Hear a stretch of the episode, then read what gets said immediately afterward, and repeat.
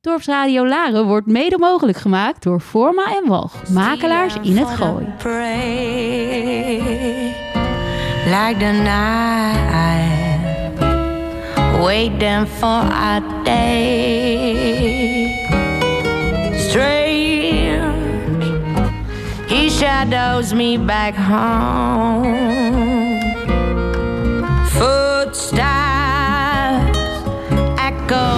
Dit is Dorpsradio Laren.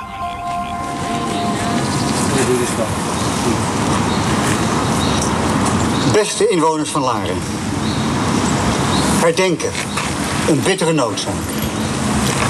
Met deze quote in het Laarns Journaal open ik mijn oproep aan de Laarse bevolking om in stilte deel te nemen aan de jaarlijkse herdenking op deze 4e mei. Een herdenking waar wij vandaag voor de 76e maal bij stilstaan. Opnieuw in stilte. Maar zijn wij hier vandaag als afvaardiging van het Laarns bestuur en de Laarnse gemeenschap in kleine kring hier op de brink bij elkaar gekomen om opnieuw te herdenken. Vandaag zijn we wederom in gedachten bij de miljoenen slachtoffers van de Tweede Wereldoorlog. En is dit het moment waarop wij moeten proberen om ons te verplaatsen naar die tijd van toen. Om onze beeld te vormen van een wereld in puin, chaos en wanorde. Maar wel met de gedachte en de filosofie dat dit nooit meer mag gebeuren. De wereld heeft zich met vallen en opstaan hersteld. Maar wel met het besef dat oorlogsgeweld nog steeds niet is uitgebannen. En zoeken nog steeds ontelbare, onschuldige slachtoffers een veilig heenkomen voor een betere toekomst. Laten we vandaag ook aan die slachtoffers van al die oorlogen denken. Daarom wil ik ook nu heel graag onze burgemeester Nanning Mol om zijn bijdrage te leveren aan deze herdenking.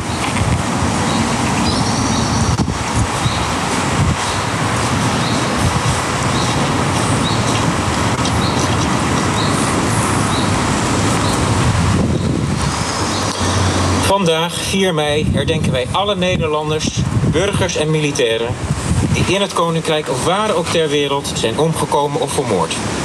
Sinds het uitbreken van de Tweede Wereldoorlog. In oorlogssituaties en bij vredesoperaties.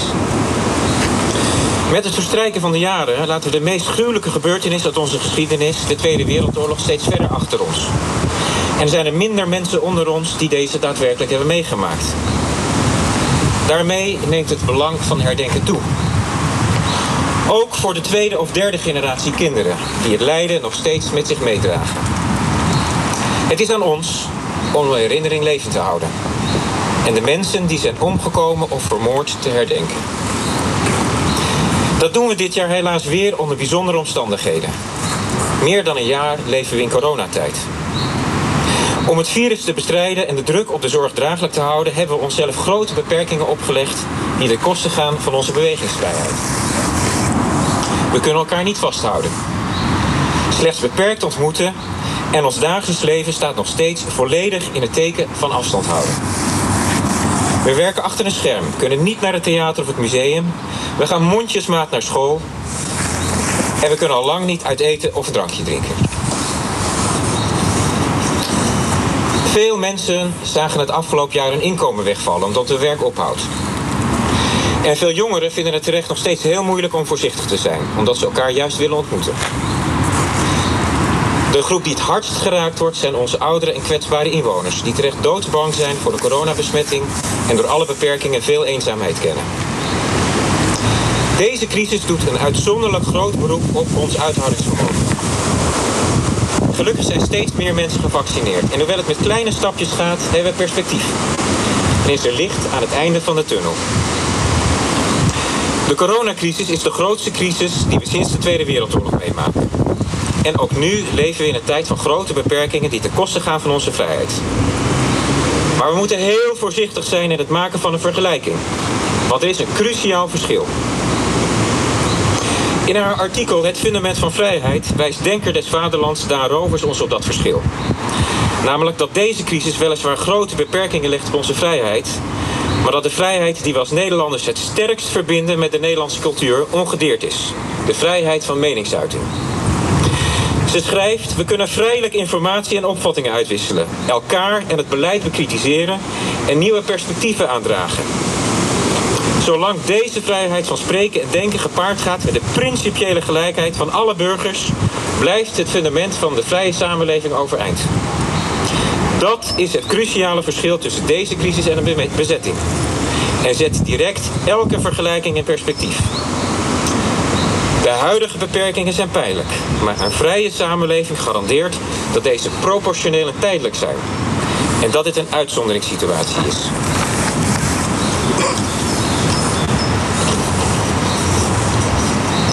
Steunpilaren van de vrije samenleving, waaronder de onafhankelijke rechtspraak en principiële gelijkheid, staan nog steeds hier overeind. En dat klopt. Vrijheid kan niet zonder vrijheid van meningsuiting. En daarom is het zo belangrijk dat we elkaar de ruimte geven om te zeggen wat we vinden. Naar elkaar luisteren en respect voor elkaar tonen. In talkshows, op social media, in de krant of bij demonstraties. En of het nu gaat over corona, de toeslagenaffaire, het klimaat of Zwarte Piet. We mogen voor onze mening uitkomen, maatregelen bekritiseren en de macht ter discussie stellen. En niet alleen over zaken in ons eigen land. Ook over onderwerpen in landen waar vrijheid van meningsuiting juist een taboe is. Wie zeker zijn mening gaf was Henri Polak. En dat deed hij vanuit zijn woonplaats Laren, waar hij woonde aan de Engweg. In het boek Het dorp, de oorlog en de mensen wordt ruim aandacht besteed aan zijn leven. Aan het begin van de 20e eeuw was Polak een vooraanstaande vakbondsbestuurder en een prominent politicus. Polak was medeoprichter en voorzitter van de Algemene Nederlandse Diamantbewerkersbond. En geldt als grondlegger van de Nederlandse vakbeweging. Hij was een van de initiatiefnemers tot de oprichting van de Sociaal-Democratische Arbeiderspartij, die hij vertegenwoordigde in de Eerste en de Tweede Kamer. En hij was lid van de gemeenteraad van Laren. Polak zette zich onvermoeibaar in voor de positie van de arbeider en het beschermen van de natuur en ons erfgoed. Hij was een onafhankelijke denker en spreker en kwam vrij voor zijn mening uit.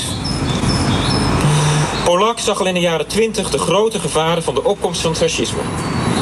Al voor de Tweede Wereldoorlog schuwde hij geen middel om de nazi's en de NSB te bestrijden.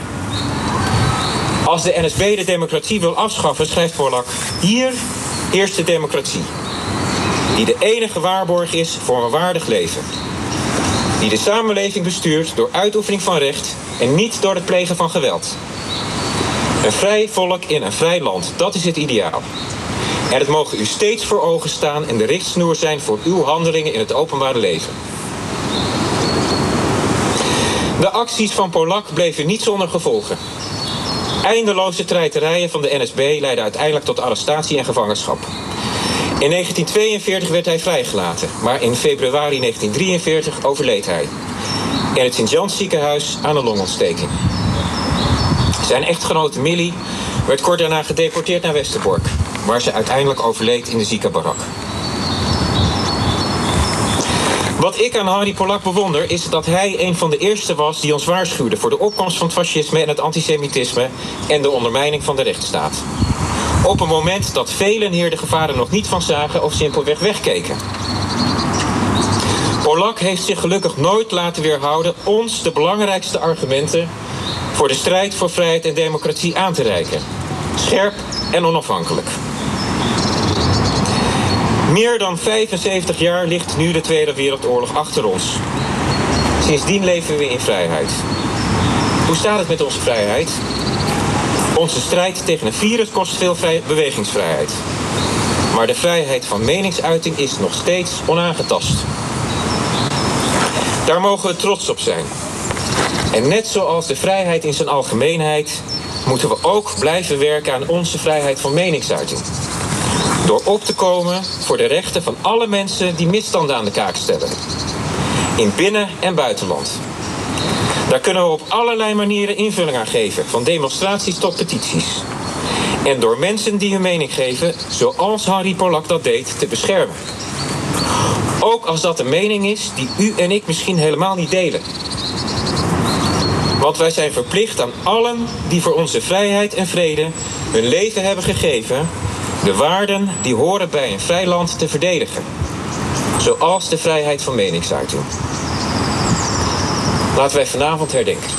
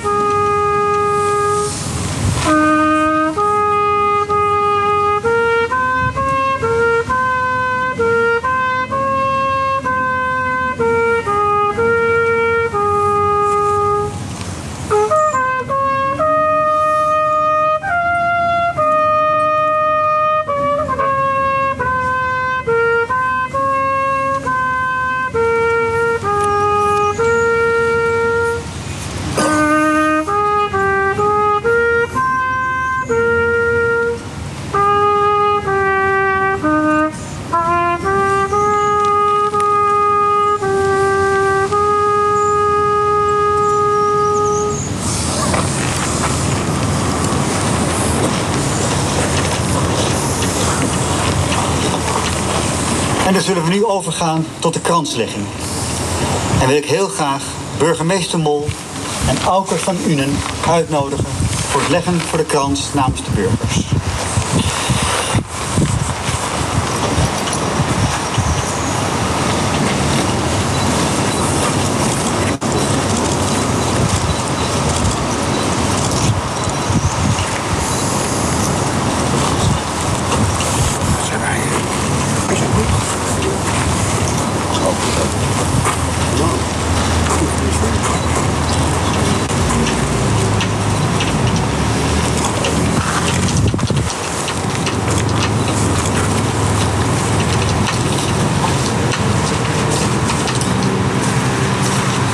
En voor de veteranen nodig ik graag uit de heer Flipsen samen met Isis Duurland.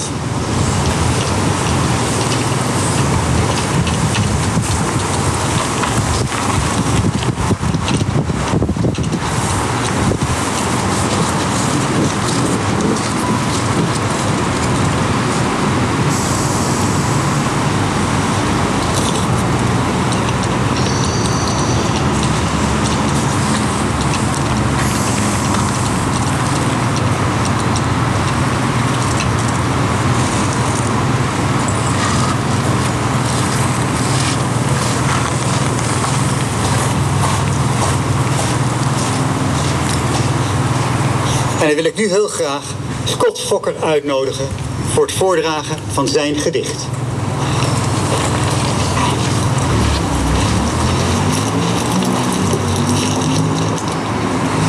Ik zit op mijn kamer.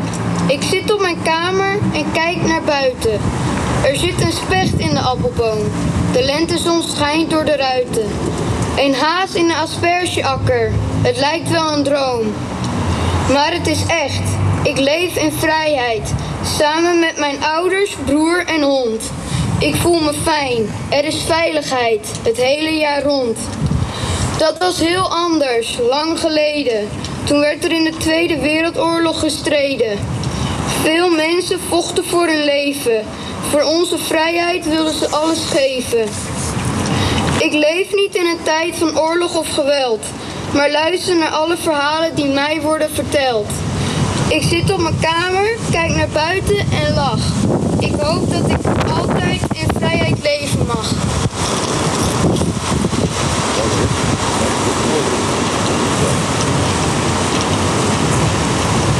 Dankjewel Scott. En dan wil ik heel graag Elise Buijsen Damsteen van de Winkhorst Jan uitnodigen voor haar gedicht.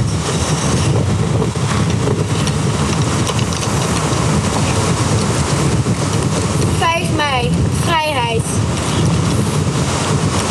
Vlaggen, vreugde en feest. Wat hebben we het meest? Dappere mannen streden voor ons land. Hoe zijn we ooit beland in deze toestand? Een leider met macht heeft de wereld zoveel ellende toegebracht. Angst, verderf en dood. Om nog maar te zwijgen van de hongersnood. Treinen naar kampen om te werken, maar dat zou wel snel anders zijn, zouden ze merken. Met omstandigheden. Miljoenen mensen zijn er overleden. Daarom moeten wij ze nu herdenken. Dat is wat zij ons schenken. Dit nooit meer is mijn wens. Ik wil blijven geloven in het goede van de mens. Vrijheid vinden we nu normaal. Maar dat is het belangrijkste voor ons allemaal.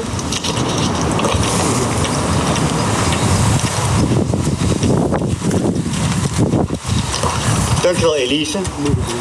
En dan zullen we overgaan tot de kranslegging van de kinderen van de basisscholen uit Laren. En namens de Gooise School wil ik uitnodigen Auke van Une en Eva Willemsen.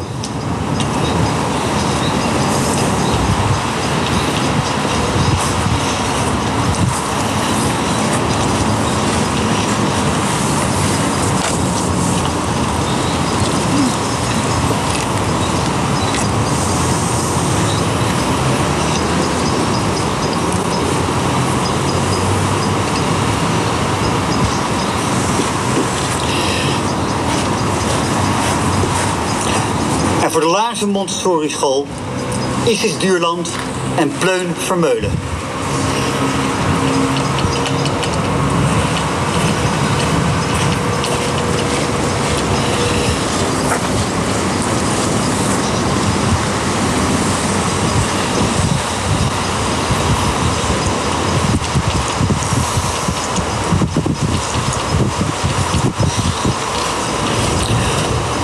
Openbare basisschool De Ploeg, Scott Fokker en Jonna Pijnenburg.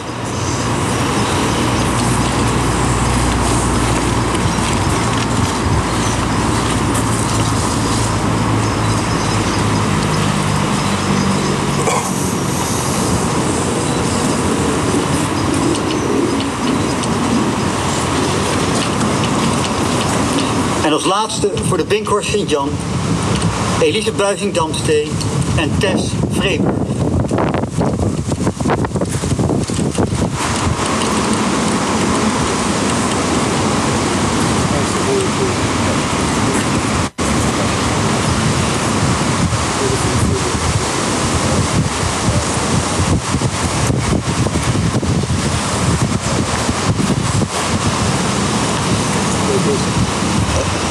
En na deze bloemlegging zijn we aan het officiële einde gekomen van deze sobere herdenking.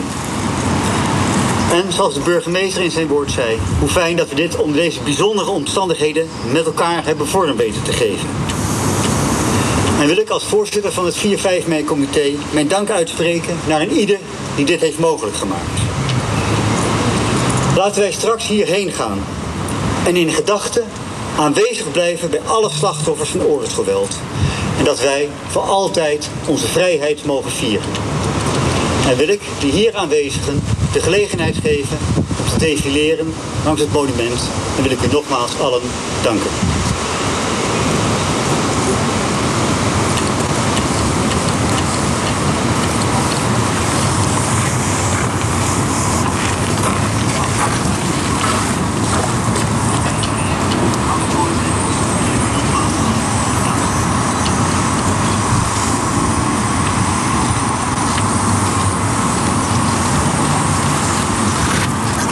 Dat is radio geweest, dat gaat goed.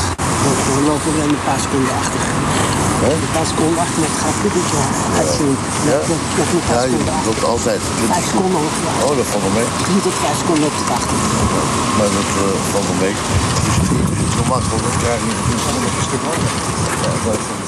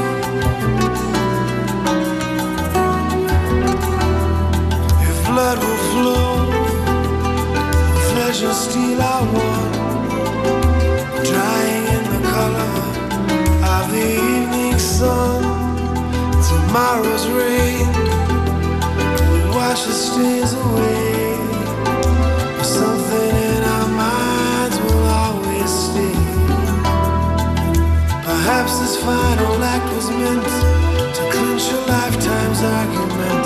But nothing comes from violence, and nothing ever could.